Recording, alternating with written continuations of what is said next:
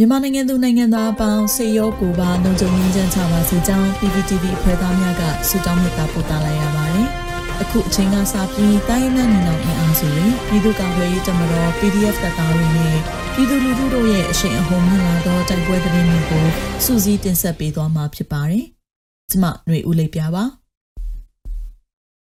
ထမဦးစွာကောလင်းလောင်းရှိနဲ့ပွင့်ဖြူတို့တွင်စစ်တပ်နှင့် PDF တပ်ဖွဲ့တို့တိုက်ပွဲပြင်းထန်နေပြီးစစ်သား28ဦးသေဆုံးတဲ့သတင်းတင်ဆက်ပါမယ်။စကိုင်းတိုင်းနဲ့ကချင်ပြည်နယ်အဆက်ရှိကောလင်းနှင့်ကမ်ဘလူမြို့နယ်ကြားနှောကုန်းရွာသို့စစ်ကြောင်းထိုးလာသည့်အကြမ်းဖက်စစ်ကောင်စီတပ်ဖွဲ့များကိုဒေသခံ PDF တပ်ဖွဲ့များကယနေ့မတ်လ19ရက်နေ့နနက်6နာရီခန့်တွင်စောင့်ကြိုတိုက်ခိုက်ခဲ့ပြီးစစ်သား20ဦးထပ်မံသေဆုံးခဲ့ကြောင်းနေမျိုးခန့် တည်င်းရင်းမြစ်ဖြစ်သော calling info ကတာဝန်ရှိသူတို့ကပြောဆိုပါရယ်အဆိုပါအကြံဖက်စစ်ကောင်စီတပ်ဖွဲ့များသည်ယနေ့နနက်ပိုင်းတွင်ကမ်ဘလူးကောလင်းနယ်စပ်ကိုစစ်ကြောင်းထိုးလာခြင်းကြောင့်တိုက်ပွဲဖြစ်ပွားခဲ့ခြင်းဖြစ်ပြီးလက်ရှိအချိန်ထိတိုက်ပွဲပြင်းထန်လျက်ရှိကြောင်းသိရှိရပါသည်။လက်ရှိချိန်တွင်ကောလင်းမြို့နယ်နှင့်ကိုတောင်ပိုရွာကြားတွင်ဒေသခံ PDF တပ်ဖွဲ့များနှင့်စစ်ကူလာသောစစ်ကောင်စီတပ်ဖွဲ့များထပ်မံတိုက်ပွဲဖြစ်ပွားနေပြီးဒေသခံ PDF တပ်ဖွဲ့များမှ ကောလင်းကျွန်းလှကမ်ဘလူးလမ်းပိုင်းရှိအစင်ကားများကိုတာစီထားကတိုက်ပွဲပြင်းထန်လျက်ရှိကြောင်းသိရှိရပါသည်။ထို့အပြင်မကွေးတိုင်းလောင်းရှိမြို့မှစောမြို့သို့ထွက်ခွာလာသောအကြမ်းဖက်စစ်ကောင်စီစစ်ကြောင်းနှင့်ဒေသခံ PDF တပ်ဖွဲ့တို့ယနေ့နနက်9နာရီဝန်းကျင်ခန့်တွင်လပို့တောင်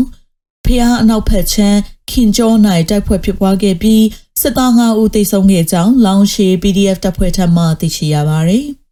အဆိုပါချမ်ဖက်စစ်ကောင်စီစစ်ကြောင်းသည်လောင်းရှိမှတင်းခွဲတောင်လပို့တောင်တန်းနှင့်တံပြာတောင်ကျော်ကိုဖျက်၍စောသို့အင်အား90ကျော်ခန့်ဖြင့်ထုတ်ခွာလာခြင်းဖြစ်ပြီးလောင်းရှိ PDF LSR PDF ကစောင့်ကြိုတိုက်ခတ်ခဲ့ခြင်းဖြစ်ပြီးစစ်သား9ဦးသေဆုံးခဲ့ကြောင်းသိရပါတယ်။ အလားတူမကွေးတိုင်းပွင့်ဖြူမြို့နယ်အနောက်လေးအိမ်နှင့်မကြီးစုကျေးရွာတဝိုင်အလုံးစုံရေးကင်းလှည့်နေသည့်အကြမ်းဖက်စစ်ကောင်စီတပ်ဖွဲ့များကိုပွင့်ဖြူ PDF တပ်ဖွဲ့ကယနေ့မတ်လ18ရက်နေ့ည10:00နာရီခန့်တွင်တိုက်ခိုက်ခဲ့ပြီးစစ်သား3ဦးသေဆုံးခဲ့ကြောင်းပွင့်ဖြူ PDF တပ်ဖွဲ့ထံမှသိရှိရပါသည်။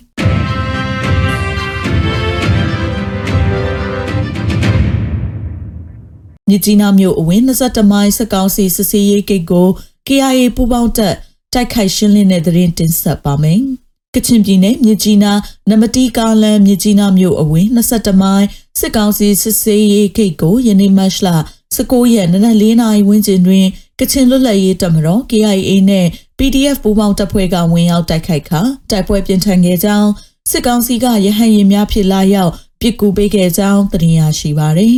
။အဆိုပါ22မိုင်စူပေါင်းစစ်စေးရေးဂိတ်သည် အကြမ်းဖက်စစ်ကောင်စီတပ်ဖွဲ့ဝင်များလက်ပါစီရဲများနှင့်ပြည်သူစစ်အဖွဲ့များစူပေါင်းစကန်ချနေသည့်နေရာဖြစ်ပြီး KIA နှင့် PDF ပူးပေါင်းတပ်ကတိုက်ခိုက်ရှင်းလင်းလိုက်ကြောင်းဒေသသတင်းရင်းမြစ်များကဆိုပါတယ်။တနအီခန့်တိုက်ပွဲပြင်းထန်ပြီးနောက်မိုးကောင်းမြို့နယ်မယန်းကျေးရွာအခြေဆိုင်ခလာရ260တပ်ရင်းမှလက်နက်ကြီးပစ်ကူများပစ်ခတ်ခဲ့သလိုတိုက်ခိုက်ရေးရဟန်ရင်များဖြင့် KIA နှင့် PDF တပ်ဖွဲ့များရှီယာတို့နှစ်ကြိမ်တိုက်ခိုက်ခဲ့ကြောင်းဒေသသတင်းရင်းမြစ်များကဆိုပါတယ်။ 22မိုင်စူပေါင်းစစ်စေးရေးဂိတ်ဝင်ရောက်တိုက်ခိုက်ခံရပြီးနောက်နှစ်ဖက်သိဆုံးတိုက်ခိုက်မှုစီရင်ကိုလက်တလောအတိမပြုနိုင်သေးပါဘူး။ဟိုပင်မှာလည်း KIA PDF ပူးပေါင်းတပ်နှင့်စစ်ကောင်စီတပ်ဖွဲ့တွေအကြားတိုက်ပွဲတွေဆက်လက်ပြင်းထန်နေပါတယ်ရှင်။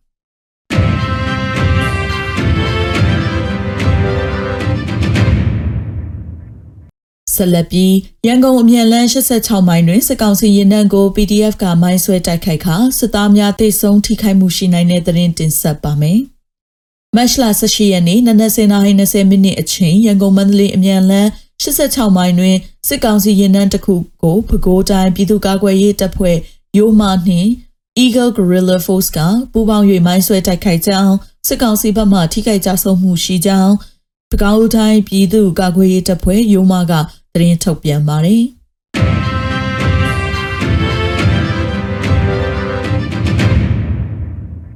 နောက်ဆုံးအနေနဲ့အမျိုးသားညီညွတ်ရေးအစိုးရပြည်ထရေးနဲ့လူဝင်မှုကြီးကြပ်ရေးဝန်ကြီးဌာနက2022ခုမတ်လ19ရက်ရက်စွဲနဲ့ထုတ်ပြန်တဲ့ပြည်သူ့ခုခံတော်လှန်စစ်တရင်ချက်လက်တွေကိုတင်ဆက်ပေးသွားမှာပါ။အာနာသိန်းအကြံဖက်စစ်အုပ်စု၏ပြည်သူလူထုအပေါ်အကြံဖက်ဖိနှိပ်ဖန်ဆီးတိုက်ခိုက်တပ်ဖြတ်နေမှုများကိုပြည်သူတို့တရက်လုံးကအသက်ရှင်သန်ရေးအတွက် မိမိကိုယ်ကိုမိမိခုခံကာကွယ်ပိုင်ခွင့်အရာပြည်သူ့ခန့်စစ် People Defensive War ကိုဆင်နွှဲလျက်ရှိပါတယ်သတင်းချက်လက်များအရ18ရက်3လ2022ရက်နေ့တွင်စစ်ကောင်စီတပ်ဖွဲ့ဝင်42ဦးသေဆုံးပြီးထိခိုက်ဒဏ်ရာရရှိသူ73ဦးအထိခုခံတိုက်ခိုက်နိုင်ခဲ့ပါတယ်။စစ်အာဏာရှင်စနစ်မြန်မာမြေပေါ်မှအပြည့်တိုင်းချုပ်ငြိမ်းရေးနဲ့ Federal Democracy တည်ဆောက်ရေးအတွက်ငြိမ်းချမ်းစွာဆန္ဒပြသည့်လူထုတပိတ်တိုက်ပွဲများကပြည်내နဲ့တိုင်းဒေသကြီးများမှာဖြစ်ပွားပေါ်ပေါက်လျက်ရှိပါတယ်။ မြေပြင်မှာယခုတွေ့ရတဲ့အချက်လက်များထက်ပို၍ဖြစ်ပွားနိုင်ပါတယ်ရှင်။